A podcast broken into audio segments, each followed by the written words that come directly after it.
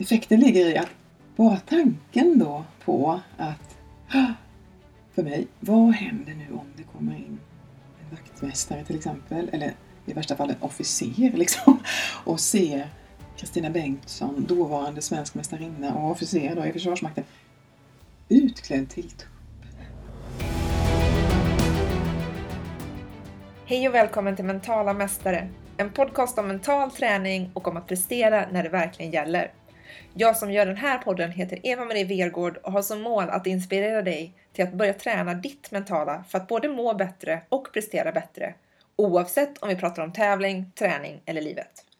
Följ gärna Mentala Mästare på sociala medier där jag varje vecka lägger upp frågor och reflektioner kring just mental träning.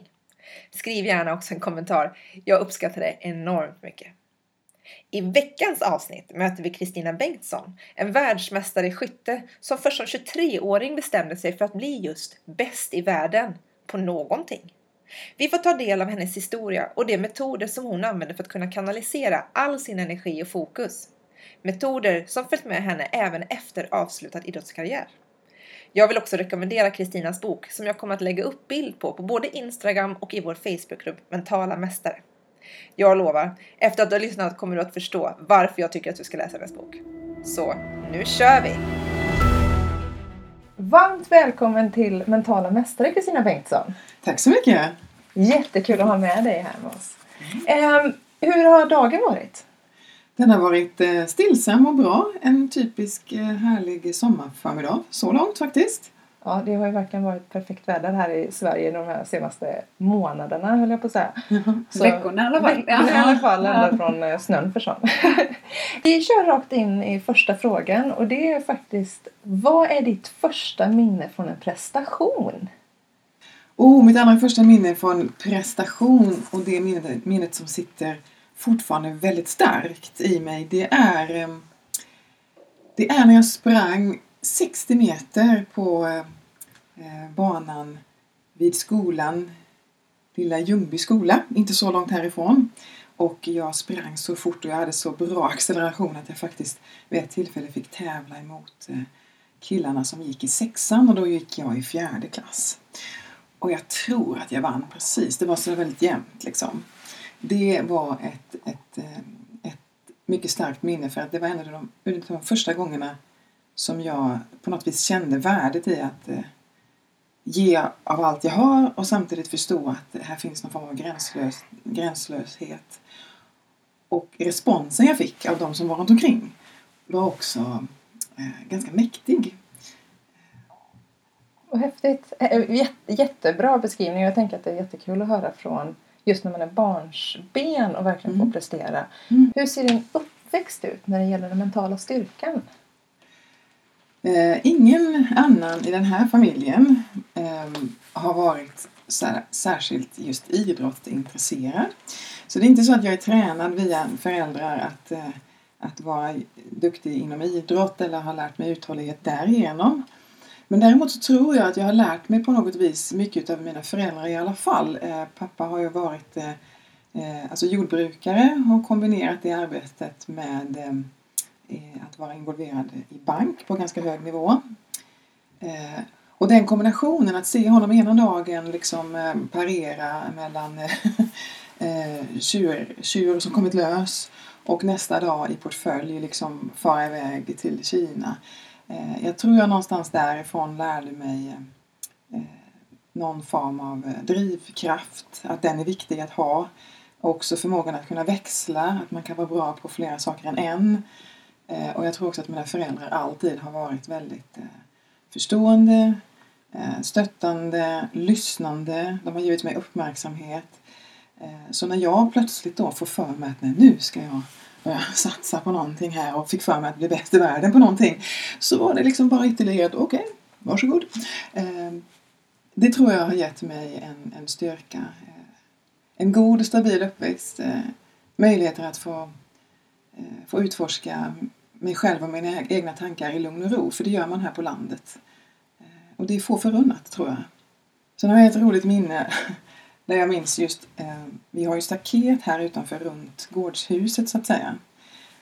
Och den där mentala kraften har ju liksom dykt upp av egen kraft faktiskt, för det är heller inte någon annan i familjen som får för sig att liksom saxa över staketet. Men det hade jag som, en, som, en, som ett måste, eh, ett, ett roligt måste, ett positivt måste, måste utan krav, utan bara av glädje.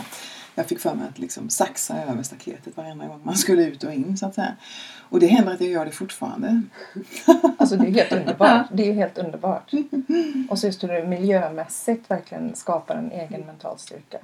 Mm. Om du skulle säga på en skala från 1 till 10, hur mentalt stark skulle du säga att du är idag? Jag har, eh, jag har, jag har alltid känt att jag haft en, en god förmåga att, att vara stark. Eh, och det kan ju låta förmätet på något sätt men, men jag menar det på ett, ett ödmjukt sätt. Jag har vetat det ganska tidigt. Ehm, och eh, den styrkan den avtar ju inte med tiden. Den, den bara växer. Men jag tror att det krävs någonting att lägga märke till att man har den och att våga bejaka den och att se det som eh, eh en tillgång eh, som inte är att se som mer än andra utan bara någonting som jag är. Och jag har nog haft förmånen att ha varit liksom på något vis fysiskt begåvad. Sådär, va? Det har gett mig självförtroende på vägen. Ehm, och jag har råkat välja lite annorlunda banor i livet och kommit in på militär bana exempelvis. Och mött mycket motgångar och svårigheter därigenom faktiskt. Ehm, det har kostat ibland mycket kraft att vara ensam kvinna och första kvinna många gånger i olika sammanhang. Ehm, men att lära sig att, att navigera i det ger också en, en, en ytterligare form av mental styrka som jag inte visste om tidigare när jag liksom bara var ung och glad och stark så att säga. Så jag har, jag har hög mental styrka. Hur kom det sig att du ville in i det militära från första början? ja, det var ju faktiskt så att jag, jag började med att eh, inse att jag hade en liten extra form av kapacitet och en energi som jag då inte riktigt visste vad jag skulle göra av.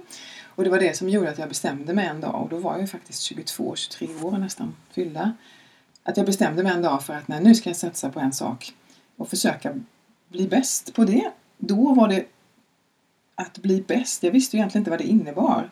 Nu vet jag det och värdet i att bli bäst kanske inte spelar så stor roll bäst i bemärkelsen bättre än andra tycker jag är en förlegad filosofi. Mm.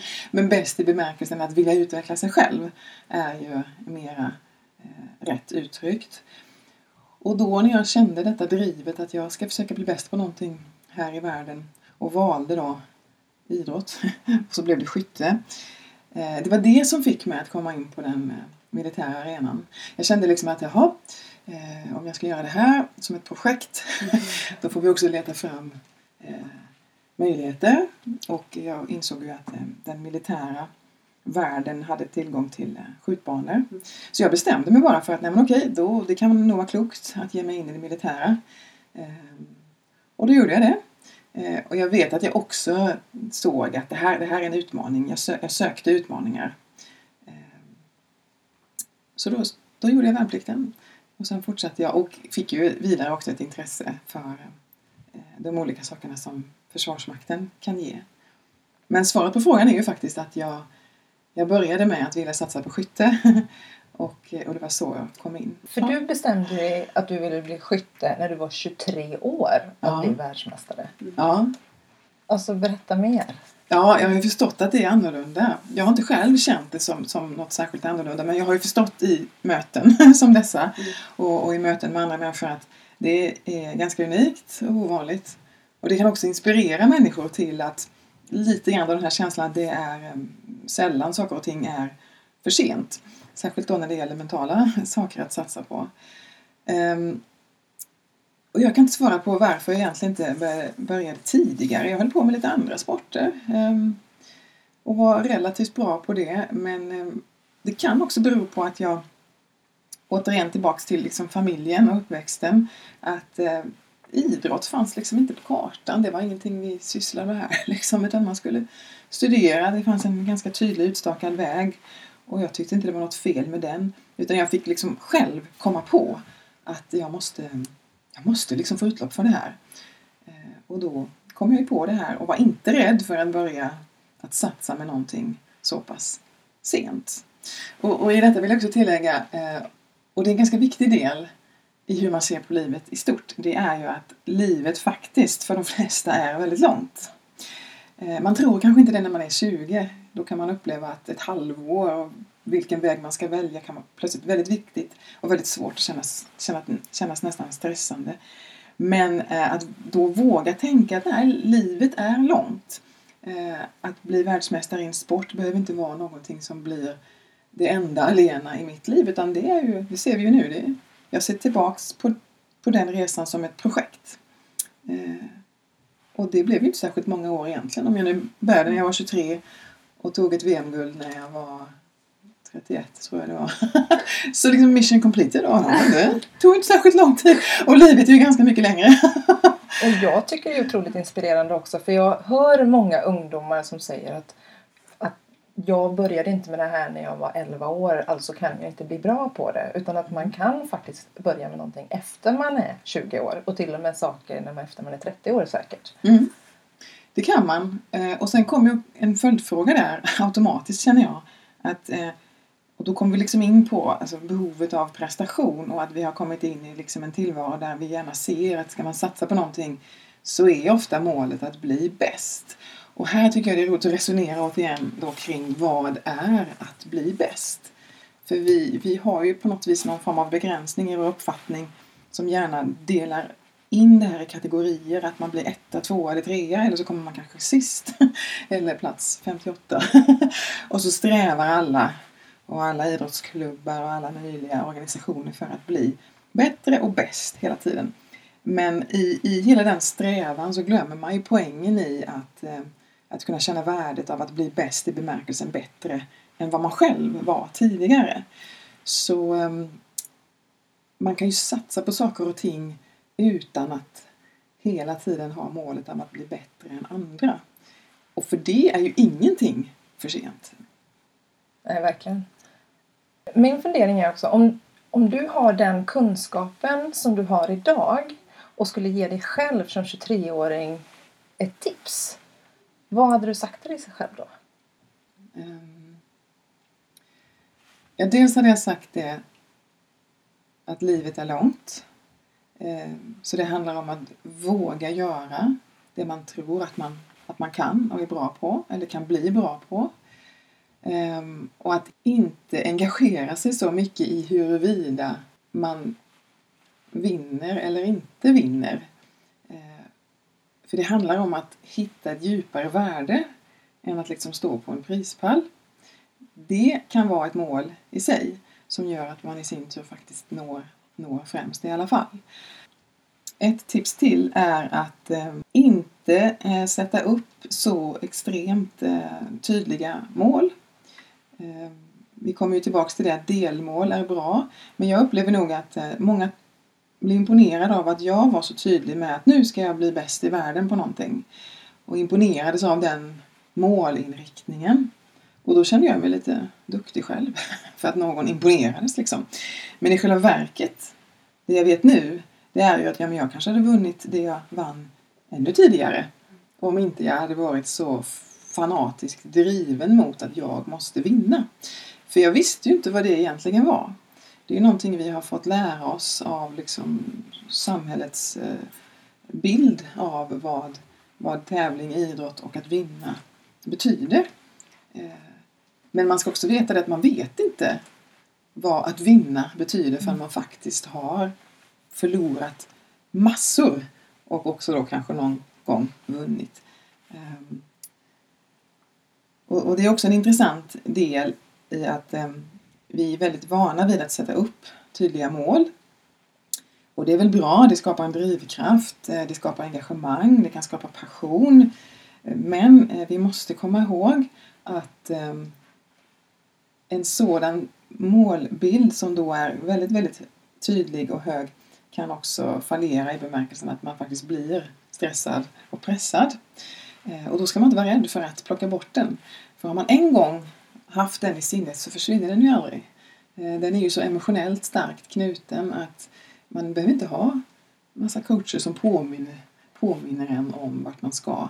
Utan det finns där ganska djupt eh, rotat i alla fall. Och då är det bättre att skippa målbilden på ett mentalt plan eh, om och om igen för att lägga märke till vad man kan och är bra på just nu och vad man är passionerad i just nu Eh, och utgå ifrån den kapaciteten som man redan har. För jag tror att vi lätt jagar efter för mycket. Och det har nästan blivit som eh, något eh, fint och viktigt att, att ha massor med mål. Men man kan nå långt i alla fall. Man kan till och med nå främst. Jag har mött många andra, både idrottare och andra människor som, som satsat i andra sammanhang som nått oerhört långt utan det fanatiska drivet. Då tänker jag lite på med to-do-list. För jag läste ju där om din not to-do-list. Ja. För jag själv är en person som ofta sätter upp tusen saker på min to-do-list varje dag, varje vecka. Kan inte du utveckla lite med din not to-do-list? Jo, den är briljant har jag förstått. Ja. och jag använder den själv väldigt ofta. Ja. Ehm, jag hittade faktiskt på den av egen kraft. Sen tror jag att den finns eh, i andra sammanhang också. Om man liksom letar ute i världen så det finns det ju fler kloka tänkare än jag. Ehm, men den blev en ganska tydlig bild av att jag i mitt arbete inom ramen för fokus och koncentration la märke till hur många människor som eh, fastnar i sina to-do-listor. Eh, och det behöver inte vara fel och det är väl fint om man då får gjort lite grann utav de här to-do-listorna. Eh, men det begränsar ju människans kapacitet. Det kan begränsa kreativitet och det kan begränsa Eh, en frihet eh, och det kan begränsa också då på ett eh, mentalt plan för att man låser sig på och lägger självförtroende på allt det där man måste göra och kanske allt det där man har gjort. Känner sig duktig för det. Så människan idag behöver hjälp med att säga nej och hjälp med att skala bort och plocka bort och helt enkelt bli mästare på att göra mindre. Det är ju dagens stora utmaning. Så var det inte förr. Om jag säger till min pappa här som är 88 år att eh, idag handlar det pappa om att våga säga nej när man kanske får uppdrag eller man får möjligheter. I hans värld så är det ju liksom det är ju nästan oförskämt liksom. Man säger inte nej. Mm, särskilt inte till någon överordnad. Och det var rätt då. Det skapade liksom ett driv framåt i samhället då. Men nu har ju alla möjligheter omkring oss som är i överflöd gjort att vi eh, fortsätter att säga ja, för vi är vana vid det. Men det gör ju också att vi blir alldeles överösta av både möjligheter och uppgifter och massor med saker som man kan göra. Så det handlar om att plocka bort. Och skriver man då en not to do-list istället, ja då lär ju sig hjärnan att se på tillvaron på ett annat sätt till sist. Att hela tiden gå in och göra, vad är det jag inte ska göra idag? Ehm, och våga stå fast vid det. Och det behöver inte vara några avancerade saker som ställer till det för andra på arbetet, så att säga, och skippa möten och sånt. Men det kan handla om att skippa och städa till exempel. Det kan handla om att, ehm, att våga tala om för en kompis att jag behöver tid för mig själv. Är det okej om vi tar fikan på fredag istället? Även om det är en, en trevlig händelse. Ehm, det kan handla om att skapa luft i schemat genom att eh, kapa bort. Kan vara till och med en, skippa en semesterresa ibland. Även om den var till för att skapa utrymme i tillvaron så kanske den ändå eh, gör att det också blir ett måste. Mm. Eh, så det finns väldigt mycket. Det handlar om att du ska lägga märke till allt det där du inte behöver göra. Och jag tycker om att jämföra det med dagens konsumtionssamhälle. För det bygger lite grann på samma svårighet, att vi är vana vid att eh, och vi tycker om att vi vill ha mer. Eh, Vi investerar, vi köper gärna mer. Vi kommer in i varuhus och känner och ser rent naturligt av stimuli. Oj, vad mycket jag behöver! Och så kommer man ibland ut med, med mer i påsen än man hade tänkt sig från början. Det är ju klassiskt. Och då tänker jag på min son Kristoffer som häromdagen kommer med mig in i ett köpcentra. köpcentra. Och så utropar han, och det här kommer ju från mig någonstans, men det är ändå han som utropar det. Åh, mamma, se så mycket vi inte behöver! Åh, vad underbart. Ja. I det här stora varuhuset med och fullt av fina kläder och kaffekokare och allt möjligt Ja. som man då kan tänka sig man behöver. Och det önskar jag bli en, en, ett nytt tankesätt. Eh, och jättebra då om det, redan, om det börjar nu i den yngre generationen. Och det är samma tankesätt som jag menar att vi behöver i mötet när vi kommer ut ur köpcentra och kanske i mobiltelefonen ser information och får möjligheter. Eh, vi får ju så mycket möjligheter idag att, eh, att vi till sist blir splittrade i vad, vad var det egentligen jag ville göra? Vad var det jag var bra på? Vad, vad var det jag skulle göra här i livet? Eh, och då måste man plocka bort. Så den, den bilden eh, är klok att ha med sig. Det du pratar om, det, det, alltså det, det är så himla bra. Det, är så himla bra. Eh, det du pratar om, det jag slår mig där, det är ju verkligen det här också att inte fastna i rutiner. Om vi går tillbaka till prestationer. Att faktiskt komma till en tävling och tänka att jag måste inte ha mina glasögon. Jag mm. måste inte eh, komma med de eh, outfiten. Utan skiter det sig så kan jag lösa situationen själv. Alltså think outside the box. Jag, jag känner att det finns en koppling där emellan mm. not to do list what I don't need to mm. compete. Eller alltså, förstår du jag tänker där? Ja visst, jag, jag tänker på mina räksmörgåsar. som, nej, förlåt, det var ju fel. Kära någon. eh, äggsmörgåsar var det ju. För då hade jag en period när jag eh, tränade som en galning. och eh, då hade jag min mamma till hjälp ibland. Så hon eh, hon var ju så vänlig så hon, ni förstår att det har funnits en stöttning här va? Så hon, hon körde ibland ut till skjutbanan när hon insåg att nu behöver dottern mat. Liksom. Och jag är alltså inte, då är jag ju inte 12 år utan vuxen kvinna. Liksom. Men hon kommer med räksmörgås och så hade vi en trevlig stund då och sen så sköt jag ett par timmar till. Så såg, så, så såg dagarna ut ibland. Och då var det just, sa jag räksmörgås nu igen, det ska vara äggsmörgås. Då var det just äggsmörgås som liksom blev någon slags mantra för mig. Det är bra med äggsmörgåsar. För jag sköt ju då världsrekord på hemmaplan såklart efter att ha ätit mammas äggsmörgåsar. Så då tänkte jag när jag kom ut på världscuper och sånt att nu måste jag försöka hitta och, och få ihop en äggsmörgås. Och det tog ju ett par matcher, ganska många matcher och ganska många förluster. och ganska mycket frustration. Det var ju väldigt mycket annat jag var dålig på också så det var mycket anledningar till varför jag inte vann. Men en av dem var ju just det att jag insåg att, att eh, Nej, det är ju vansinnigt att kräva, man kanske är i Changwon i Korea och ska leta reda på ägg och äggsmörgås. Ehm, det, det, det är ett jättedumt krav att ställa på sig själv och också kanske på sin omgivning, stackars coach. Ehm, och det är ju precis det du säger, att, att börja skala bort också inför en prestation och hela tiden hitta kärnan i sig själv. Ehm, att kunna prestera på, på en toppnivå handlar ju inte om att, eh, att ha saker omkring sig i ordning. Det kan vara en del men den, den måste få bli ganska liten. Eh, och hittar man den där kärnan i sig själv som är helt oberoende av hur jag ser ut, eh, hur jag har tränat, vad jag har gjort eh, och eh, vad jag har omkring mig. Eh, visst, går vi tillbaka till skyttetiden så är det klart att ammunitionen var viktig. Men just i den stunden faktiskt inte bry sig. Utan att hitta kärnan i sig själv. Och det är också den som är så bra. Hittar man den under sin prestationstid så att säga, när man under en viss tid satsar på någonting, exempelvis som i idrotten då. Hittar man den där liksom avskalade kärnan i sig själv, då blir det också lättare, lättare att ta sig an livet efter en sån här karriär. För då är den ju inte heller beroende av så väldigt mycket annat utan då kan man ju ta med sig den och veta att eh, jag har ett starkt, eh, ett starkt inre som, eh, som klarar Eh, både det ena och det andra utan massa, massa behövande faktorer runt omkring. Och den, den kärnan eh, ser jag också som viktig i, i, i koppling till att hantera förluster.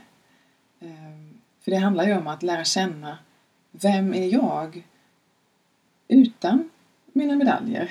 Och vem är jag utan mina böcker? Vem är jag utan mina eh, framgångar internationellt? Vem är jag utan min erfarenhet? Liksom, kan, man, kan man sträcka det så långt så har man kommit väldigt långt. Eh, sen ska man inte underskatta det man har gjort. Och man ska våga stå för det och man ska liksom våga höja armarna i skyn för detta.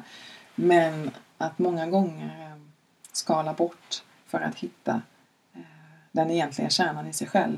För det är den som bär hela livet igenom, liksom, vad som än händer faktiskt. Och när du säger det där, någonting som slår mig när jag har läst din superbra bok som vi kommer lägga upp på Instagram också så att verkligen rekommendera den. Så är det ju det här att hantera känslostormar. För då måste du ju också skala av eh, yttre saker som sker. Det kan ju vara vara uppbrott som sker på ens privatliv eller det kan vara vad som helst. Men hur, hur har du hanterat saker som hänt utanför för att verkligen hitta ditt fokus, kärnan, när du ska prestera? Har du några tips? Ja, jag får många roliga minnesbilder också. Bjud Eh. Eh, det, det är ju så att, eh, och det vet ju de flesta av oss, men det är, vär, det är värt att repetera att, att hjärnan blir ju liksom, de delar i hjärnan som är äldst är, är ju kraftigare kan man säga än de nyare delarna. Och det gör att det emotionella systemet ofta slår ut intellektet så att säga. Så det möts vi av alla varje dag, flera gånger, flera gånger i livet, eller flera gånger per dag också. Och jag, jag har ju ett roligt exempel därifrån eh, idrottskarriären där jag eh, faktiskt är förtjust i en kar som kommer upp och kikar på matchen bakom och jag blir ju då nervös och jag blir emotionellt engagerad och detta tar över. Och då kan jag känna mig i den stunden ganska dålig, ganska kass. Alltså herregud, här står jag liksom och ska förväntas prestera. Massa folk som tittar och till och med journalister som engagerar sig. Och så är jag så banal så att jag liksom står och bryr mig om nästan hur jag, hur jag står och hur jag ser ut inför den där kameran som står bakom. så det kan kännas ganska banalt. Men, men i en sån stund då gäller det att inse att eh, det är lugnt. Så ser alla människors hjärnor ut. Ehm, så det är ju helt naturligt och det är kanske till och med att man ska vara glad för att man är begåvad på det viset så att man kan få uppleva dessa spännande stunder. Eh, och då handlar det ju om att i den stunden eh, göra ett så kallat break, man kallar det mentalt för ett tankestopp och inse sin begränsning. Här har jag emotionell påverkan som i denna stund, vare sig jag vill eller inte, är mycket, mycket viktigare än huruvida jag skjuter en 9 eller en 10 på en, på en tavla. eller så blev det så viktigt för mig att träffa pricken just för att han och de andra skulle se det. Så det blir viktigare i sig och så har man tappat poängen med hela, hela, hela tävlingen. Att då göra ett tankestopp, eh, och det kan man göra i, skytte, i skyttesporten, gör att liksom lägga ner vapnet och kanske möta till och med eh, mannens blick i fråga för att på något vis få en bekräftelse så att jag sen på ett mentalt plan kan släppa det där och så återfå återigen den där, den där kärnan. Eh, så många gånger ska man ju ha, ha, så handlar det om att inse sin begränsning. Eh, och begränsningen betyder inte då att man är sämre än andra utan begränsningen innebär att man har förmåga att förstå hur man själv fungerar och att hjärnan så väldigt många gånger spelar oss ett spratt. Och just när det gäller emotioner, känslor, ehm, så är vi ganska ehm, enkelspåriga. Det kan vara klokt att se sig själv nästan som en dator eller som en maskin i de sammanhangen. att eh, vissa algoritmer liksom är kraftfullare än de andra så att säga. Eh, ett självklart tips är ju också att eh, lägga märke till att hjärnan endast kan fokusera på en sak åt gången. Ehm, och det är också en ganska enkel väg att gå. Att veta om att det är så vi fungerar i stora drag. Och är man då i en prestationssituation och alla dessa tankar och känslor far runt och det kan ju vara känslor som är kopplade till prestationen. Orostankar kring Kära någon, hur ska det nu gå om jag missar här igen? Eller herregud, vad säger coachen om jag inte... Och så vidare. Ehm, då kan man ju enkelt veta om att om man då väljer att fokusera på en liten sak eller ett ord eller en bild eller en detalj i, i rummet så att säga så kan det hjälpa hjärnan att befria sig från de andra störande, oroande tankarna eftersom hjärnan bara kan fokusera på en sak åt gången. Så att till exempel i en prestationssituation att plötsligt bara stirra väldigt tydligt på en penna och verkligen på djupet engagera sig i denna penna, kanske tänka en tanke kring pennan. Eh, det gör ju att då hjärnan inte, då finns det inte plats för hjärnan att vara varken ehm, irriterad, oroad eller alltför grubblande så att säga. Så det är ett tips att hitta enkla neutrala saker att fokusera på, fokusera på särskilt i en prestationssituation. Så fokus för mig, vilket jag ser som grunden till både framgång och välmående egentligen, det är ju att eh, bli fri från störande tankar. Kan man lära sig att se fokus på det viset så, så har man skapat en enkelhet i ett ganska komplext fenomen annars. Hänger ni med? Ja, jag, hänger, jag hänger jättebra med.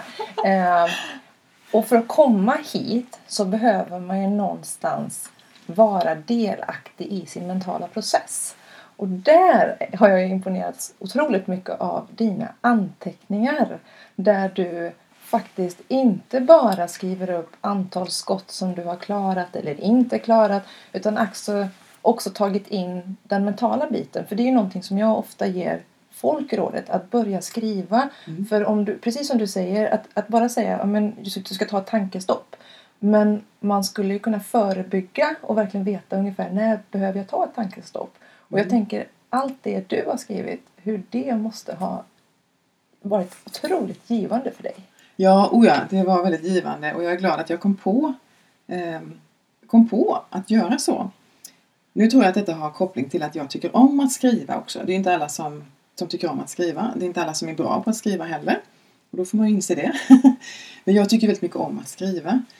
Och då är det klart att det var klokt för mig att använda det. Eh, och ett så var det ju sådär att när jag kom ut på, på tävlingar och skulle prestera och man reste ju ganska mycket under den perioden så tyckte jag faktiskt att det var ganska tråkigt ibland. Det blir, det blir ganska banalt snack ibland på idrottsresor. Det blir väldigt mycket Eh, prat kring just prestation och, och kring själva idrotten i sig. Så jag insåg ju att jag måste hitta en, en djupare passion här än att bara liksom skjuta eller bara träna eller bara stå på en prispall. Jag insåg ganska tidigt att livet måste vara större än att stå på en pall. och då bestämde jag mig för att eh, bli intellektuellt engagerad på tävlingar. Och då fick jag ju ta med massa spännande böcker. Eh, men också när det inte fanns böcker att tillgå, ja då fick jag ju skriva själv. och för att göra det spännande så frångick jag eh, den där tydliga instruktionen som var då att skriva upp väder och vind, ammunition, stillahållning, avslappning, andning och så vidare. Ja, bra, det tar ju liksom en sida sen är det färdigt men det gav inte mig särskilt mycket. Utan då skrev jag istället om till och med saker som hade hänt eh, dagen före eller stunden före. Eh, eller kanske vad någon hade sagt. Eh, hur jag resonerade med mig själv eh, kring de här kanske svårigheterna. Om jag faktiskt uppriktigt tyckte att Nej, men det, här är, det här är väldigt trist. För sjuttsingen, vilken tråkig sport. Varför har jag gett mig in i detta? Sådana där tankar kunde jag liksom skriva ner tydligt och sen nästan skratta åt det i efterhand. Men också beskriva eh, tydlig oro. Eh, känslomässiga diskussioner kring hur väldigt gärna jag ville lyckas. Men hur svårt jag tyckte det var. Eh, alla dessa frustrationer och det kunde bli ganska många sidor. Så där hade jag en roman klar redan då. jag skrev ju säkert, jag tror jag har 12 handskrivna böcker. Så. Eller ja, böcker, alltså handskrivna då i pappersform och i, i sån där bokpappersform. Ehm, och det är inte särskilt ofta jag går tillbaks och tittar på dem. Ehm, men det är utifrån dem jag skapade mina modeller kring, kring fokus. Där jag då insåg att, eh, precis som du säger, att kan jag samla alla de här tankarna som då faktiskt stör mig i själva prestationen. På något vis samla dem eh, genom att först då få ur dem i mitt sinne. Och två, sätta ord på dem. Och sen tre, på något vis vända blad. Extremt pedagogiskt. Mm. Men när vi är inne på skrivande och böcker och så, har du eh, författare eller andra böcker som du inspireras eller tagit mycket lärdom av? Ja, den, den bok som jag eh, hade med mig mycket när jag var ute och tävlade och reste och fortfarande läser i ibland. Det är eh, en bok som heter The Power of Now med Eckhart Tolle. Det är ju lite så här spirituellt kopplat men det kan man ju koppla bort om man vill. Eh, men den beskriver ju väldigt väl eh, det jag egentligen också kallar för eh, fenomenet fokus. Fast vi beskriver det på olika, på olika sätt. Ehm, de resonemangen som han har i den boken och även i sina nästkommande böcker är ju väldigt väl kopplade till vad som egentligen händer med mig under den här resan.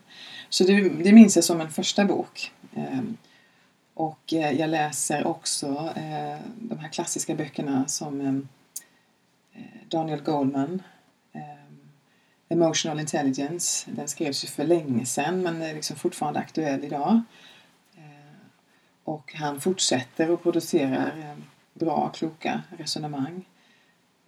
Dag Hammarskjöld är också långt tillbaka i tiden. Men jag tror att många människor som faktiskt skrev böcker då och hade väldigt mycket erfarenhet på något vis kanske hade också mycket tid. Så att de hade tid att formulera väldigt välformulerade meningar och, eh, och kloka resonemang som jag gärna plockar upp och sen blandar ihop då med mina egna tankar och med mer moderna författare.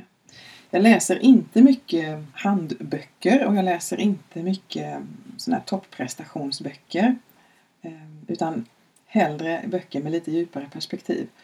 Och jag tycker att det är någonting som behövs idag. Jag ser det nästan som att när jag beskriver fokus så finns det ju två perspektiv kan man säga. Och det ena är eh, fokus i kort perspektiv, alltså peak performance, topprestation, att prestera på topp här och nu, kanske i en stressad situation. Och det andra är fokus i det längre perspektivet, att kunna liksom styra sig själv i rätt riktning. Ehm, och eh, jag hävdar att topprestation och att eh, fungera på topp under press, lite grann av bäst när det gäller och så vidare. Där har vi ju haft 30 år av enormt många fina, välskrivna och kloka böcker från den mentala sidan och idrottspsykologin. Men jag ser nog att nu har vi kommit in i en tid i samhället där allting snurrar så fort. Det kommer nya krav och utmaningar. Så för de flesta människor så ligger utmaningen inte längre att prestera på topp. Jag tycker att det kan vi. Jag tror vi är ganska duktiga på det egentligen. Vi tror att vi inte är det, men jag tror faktiskt i relation till tidigare så är vi överlag ganska bra. Alla känner sig nervösa och ofungerande just när det gäller, men det är ju en, det är en baskunskap liksom. Jag tror att vi har lärt oss topprestation eh, väldigt väl.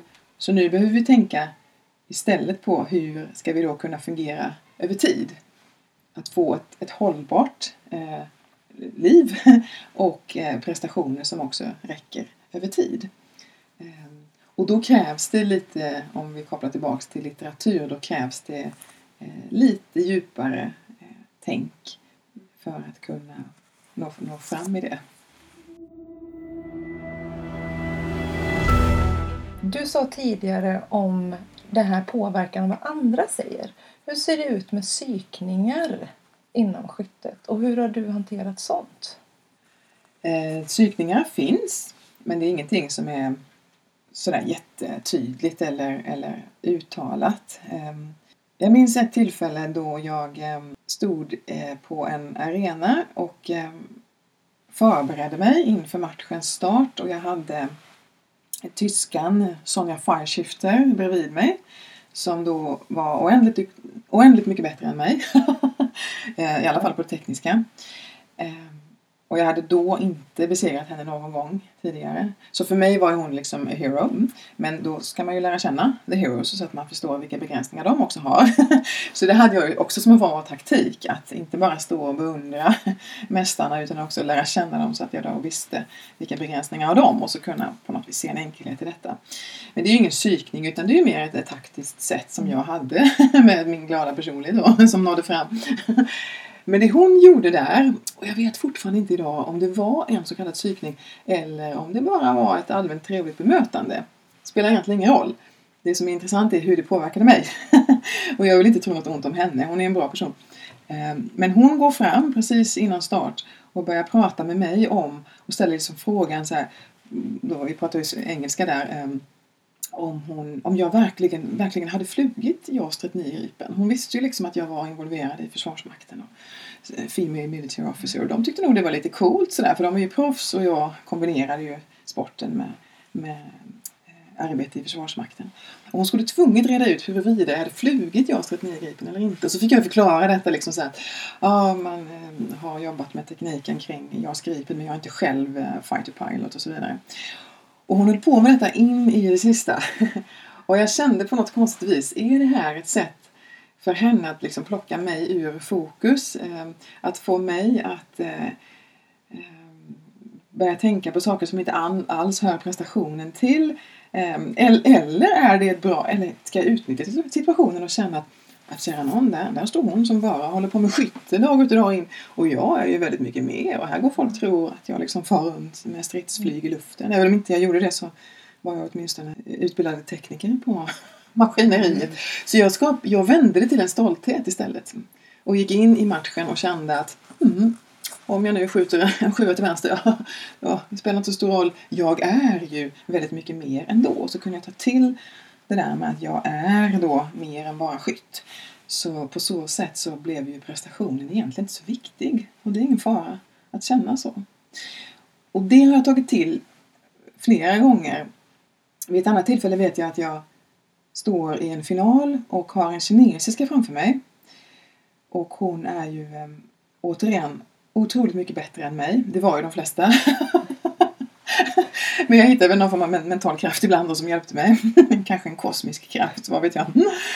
Um, och då står jag ju i den stunden och tänker de här tankarna att men, men detta blir ju omöjligt. Hur ska jag någonsin kunna besegra denna, hon rör ju sig som en robot. De, är så, de tränar ju liksom så otroligt många fler timmar än vad vi kunde göra som inte var proffs. Så det var egentligen en, en omöjlighet eh, i mina tankar att kunna besegra henne.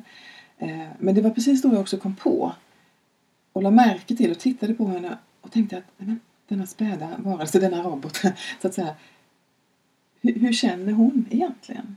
Så jag använde en form av empati till att sätta mig in i, försöka sätta mig in i vad känner hon? Vem är hon denna människa? Vem är hon? Denna skicklighet. Och då slår det ju mig såklart att ja, men även hon känner ju väldigt mycket. Även om hon har ett limbiskt system som slår ut intellektet. Eh, och tänk vad hon oroar sig mycket över huruvida hon skjuter en nia eller tia. För hela hennes tillvaro, kanske till och med hela hennes ja, så att säga, existens i, i den kinesiska idrottsvärlden hänger på om hon vinner eller förlorar här.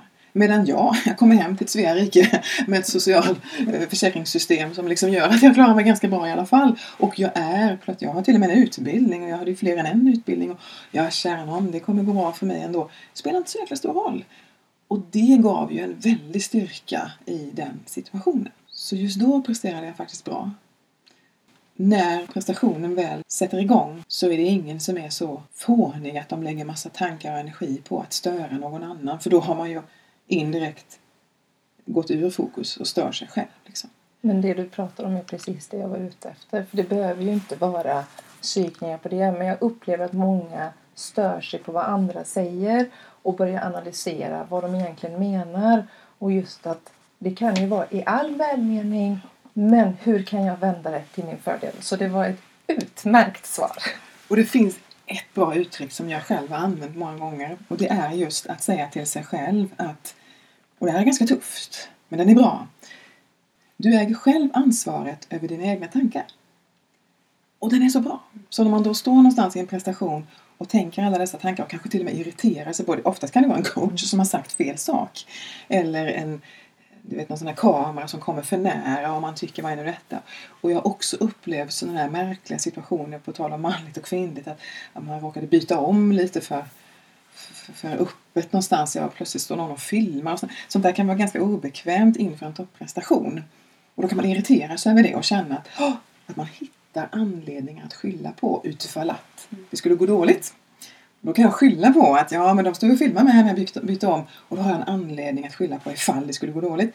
Och där gäller det att lägga märke till att nej, nej, nej, det är jag själv som har tänkt de tankarna. Mm. Det är jag som har skapat tankar av någonting.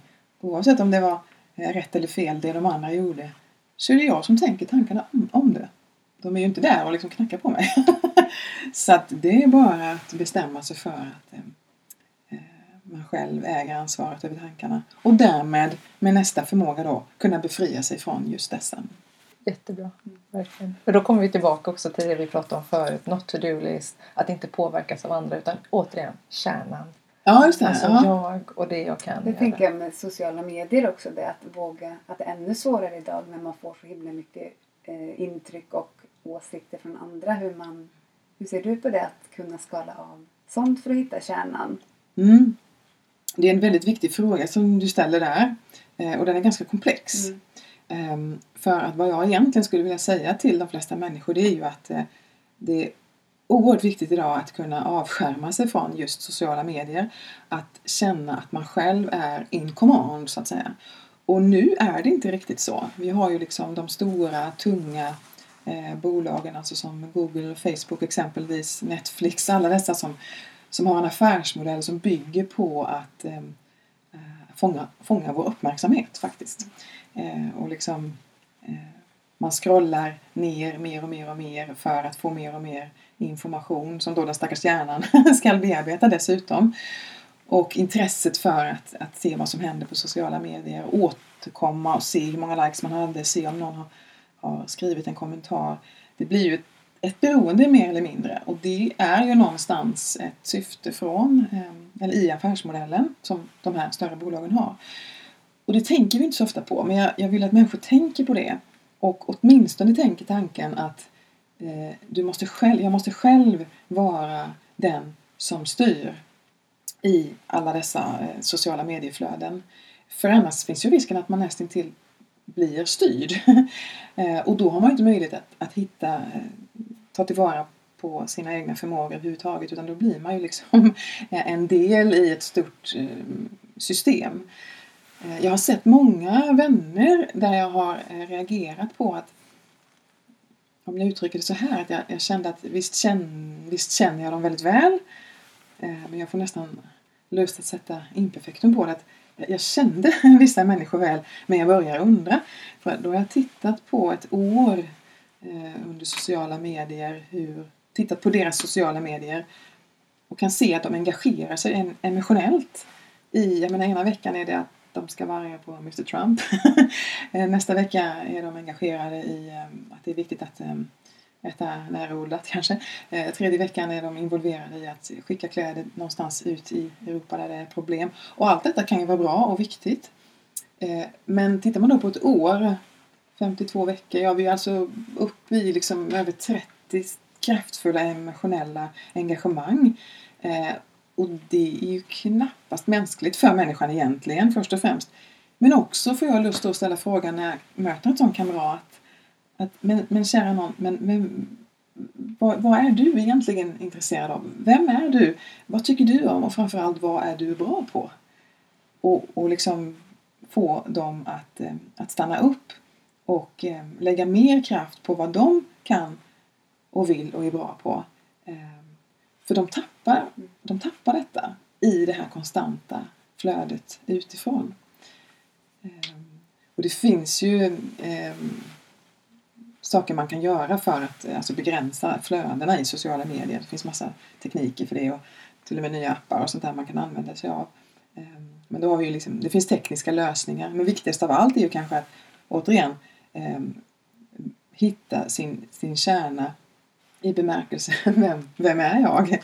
Och eh, jobba utifrån den. För jag tror många tappar självförtroende i den här konstanta jämförelsen med andra och Eh, den konstant, det konstanta behovet av att liksom eh, se och kika, återgå och engagera sig. Ehm, för, för man, man tappar nog lätt den där genuina egna kraften som annars byggs upp av egen kraft. Ehm, vi, vi blir ju idag beroende av direkt respons. Alltså om, om, om inte du får beröm av chefen eller av coachen, ja då kan du åtminstone lägga ut en, en trevlig bild och så får du 24 likes och så känns det bättre för stunden. Och det är ju en, eh, en lite märklig eh, trend så att här är det ju önskvärt att människor som vill satsa på något här i livet tränar sig i att avstå, återigen, eh, detta för att finna sin egentliga egna kapacitet och också åsikt. Vad, vad, står man för egentligen? För att stå för 20-30 stora saker per år, det, det, blir, det blir ganska splittrat, eller hur? det blir ingen fokus. Verkligen. Det är en jätteviktig fråga för, vi, för jag tror att det blir en större och större sak just att kunna hantera dels stora emotioner i det sociala men också kommentarer och så vidare. En sak när jag pratar med folk när de tränar så har de lätt att hamna i en stagnation i träningen där man bara tränar och tränar teknik, teknik utan att egentligen ha någon tanke. Och det som dessutom händer då det är att när de väl åker på tävling då ska de vara liksom här och nu och verkligen vara fokus. Alltså det är verkligen då gäller det. Men på träning så kan det bli lite slentrian. Och där vet jag att du har en jättebra historia när det gäller just att bryta det slentriana i den alldagliga träningen. Ja, jag, jag misstänker, misstänker att du tänker på tupp, eh, tupphistorien. Jajamän.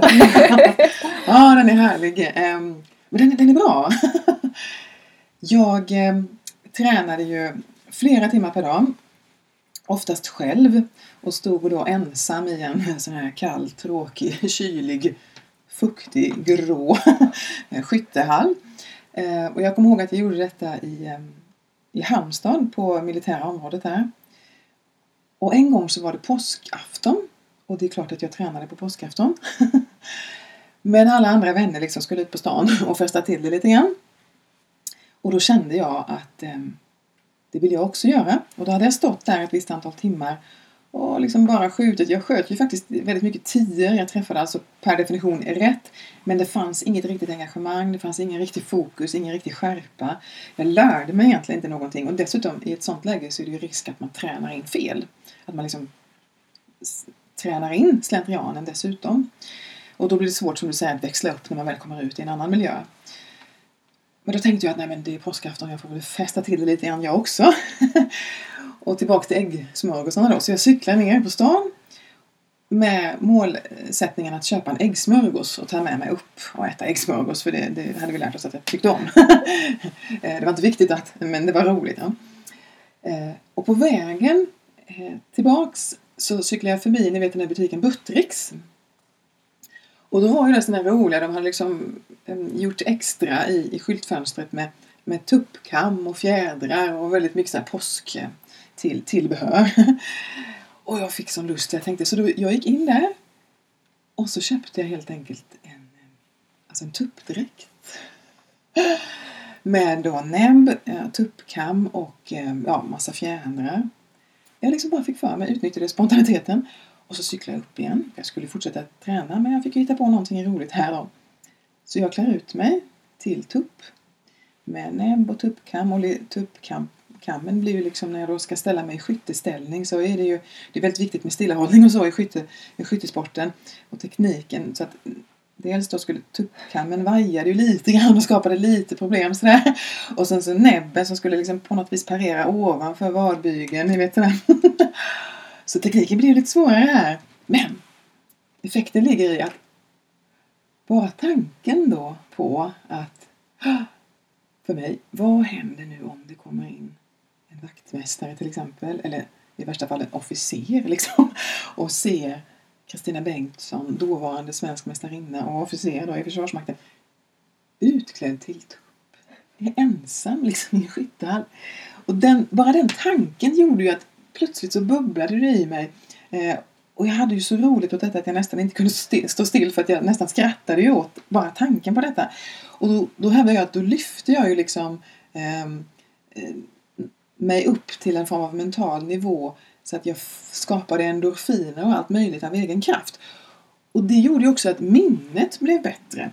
Så att i den stunden jag minns, jag kanske inte sköt de perfekta skotten, men jag minns ju nästan fortfarande, jag kan nästan minnas idag, för, förnimma hela liksom kroppsställningen och hur jag kämpade emot tuppkammens vajande och hade så roligt och jag ökade alltså fokusen enormt mycket och upprätthöll ju fokus väldigt mycket, mycket längre tid än jag hade gjort innan.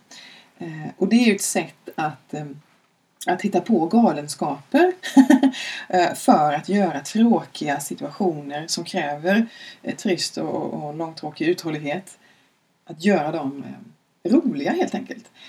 Så det handlar om att liksom skapa glädje i det som är tråkigt och slentrianmässigt men också i att våga bryta mönstret. Ehm, och att ehm, våga gå egentligen utanför de vanliga naturliga beteendena så att säga. Men det är ju inget fel i det, det är ju, det är ju ett naturligt beteende att, att, att ha roligt. Eh, och man måste inte alltid, finns det då inte något annat att tillgå så, så tvingas man skapa det av egen kraft. Så efter det klädde jag ut mig till många olika tomter på julafton och sånt liksom och även andra grejer. Och sen till sist behöver man ju inte ens klä ut sig längre utan då räcker det att tänka på kanske hur, hur det nu hade varit om man hade stått där med peruk eller någonting på en världscup till exempel. Och jag använder använt det sen också i, i arbetssammanhang till exempel. Ni kan tänka er, tror jag, ett stelt möte inom lyckta dörrar i Försvarsmakten. Eh, det är oftast bra möten men de kan bli ganska stela. Och det kan bli långtråkigt även där. En viss slentrian kan också inträda. Ni vet alla dessa möten som blir för många. Eh, att bara i mötet då sitta och tänka på titta på olika människor och bara tänka på ah, hur, att, att de är olika djur till exempel. Att, eh, mm, där har vi liksom den generalen här i, i, i mustasch, skulle kunna vara liksom en mullvad kanske och, och eh, så har vi kanske en annan, en tekniker som skulle kunna vara då en eh, långhalsad giraff kanske. Ja, eller en liten, liten mus som gör sig hörd längre bort.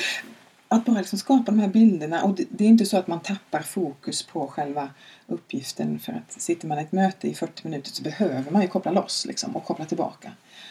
Och då kan man ha roligt eh, utan att skämmas över det. Och det, det som är det fina med det är ju att då är det ingen som ser vad man tänker. och det ska man också utnyttja. Och då kan det skapa en skärpa. Och i sin tur då ett engagemang. Liksom. Och jag tror det är jättebra tips. Framförallt mm. om man är kanske i bedömningssporter och känner en, mm. en stark olust inför en domare eller en tävlingsledare. Att faktiskt sätta på den en lösnäsa mentalt.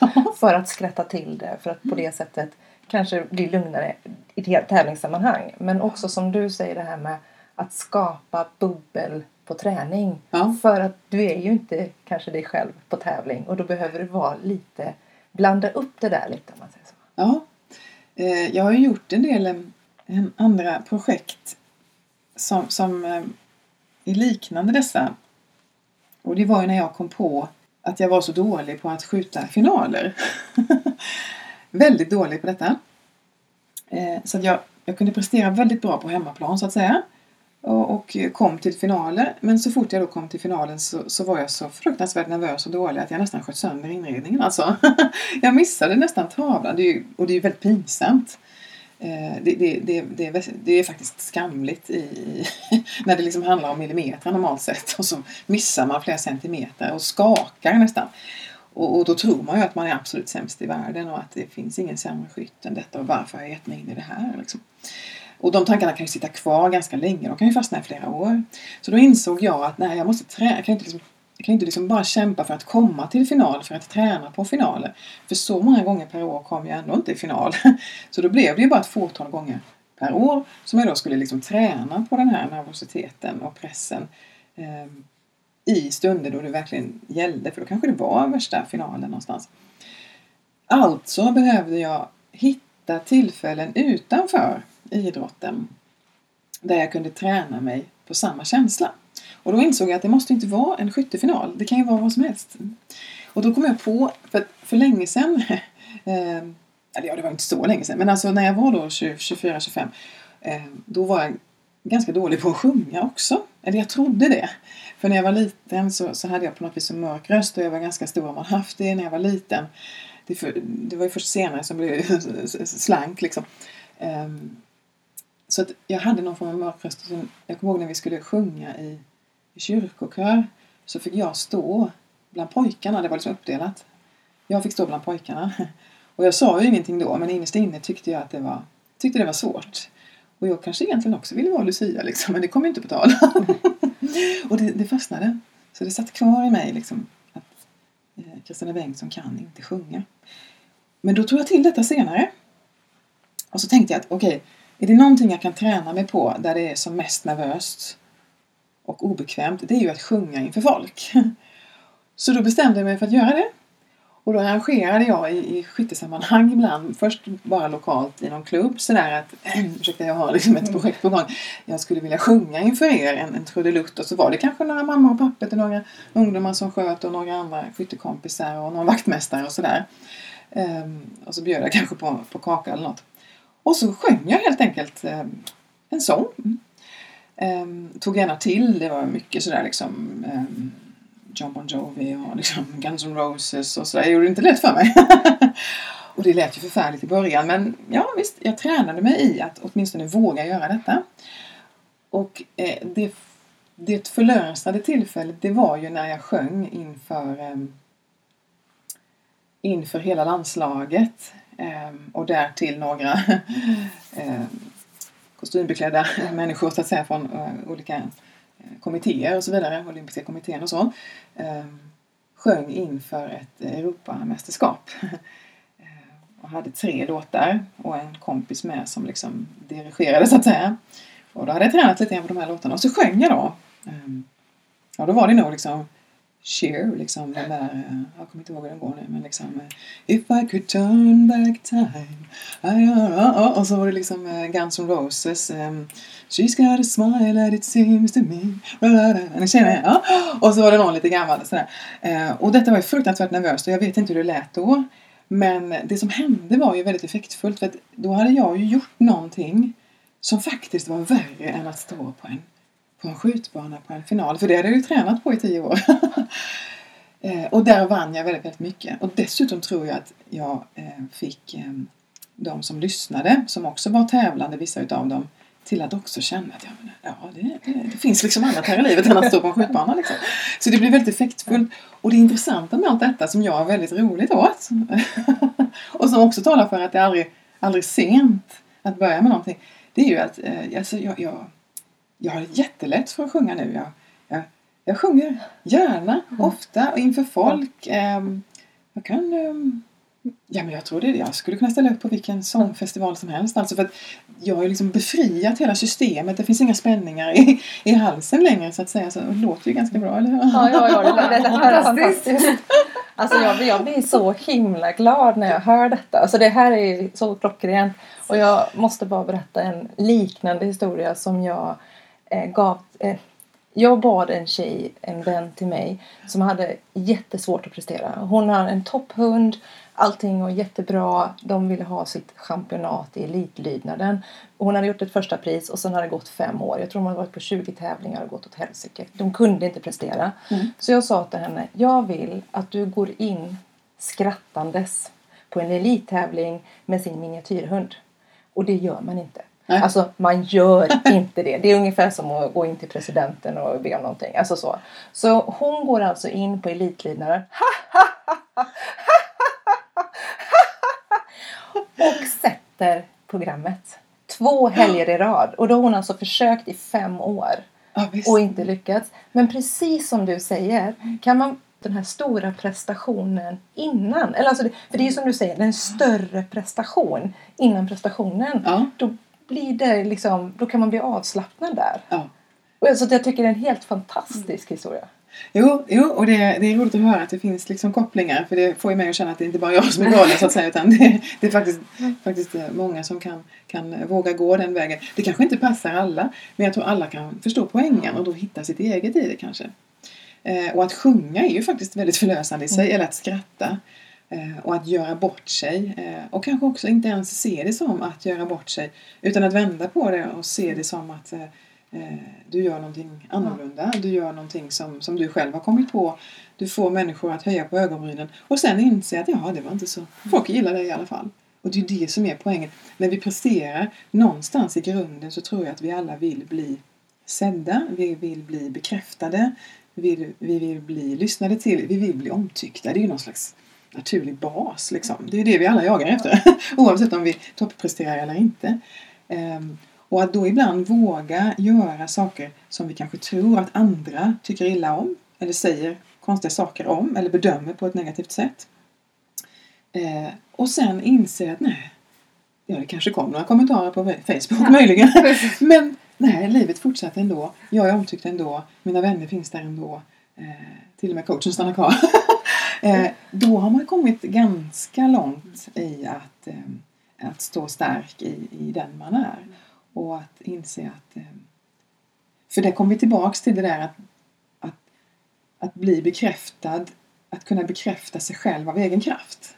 Mer än att hela tiden förvänta sig och göra eh, så som alla andra tycker och tänker. För till sist kan det ju bli nästan det blir nästan en utopi, det blir nästan omöjligt till sist. Alltså det finns en coach kanske vill en sak, eh, sociala medietrycket vill en annan eh, och sen så finns det eh, krav på hur man ska se ut och hur man borde träna och hur man borde ta sig an livet och till och med vad man borde göra och inte göra och arbeta med och inte arbeta med.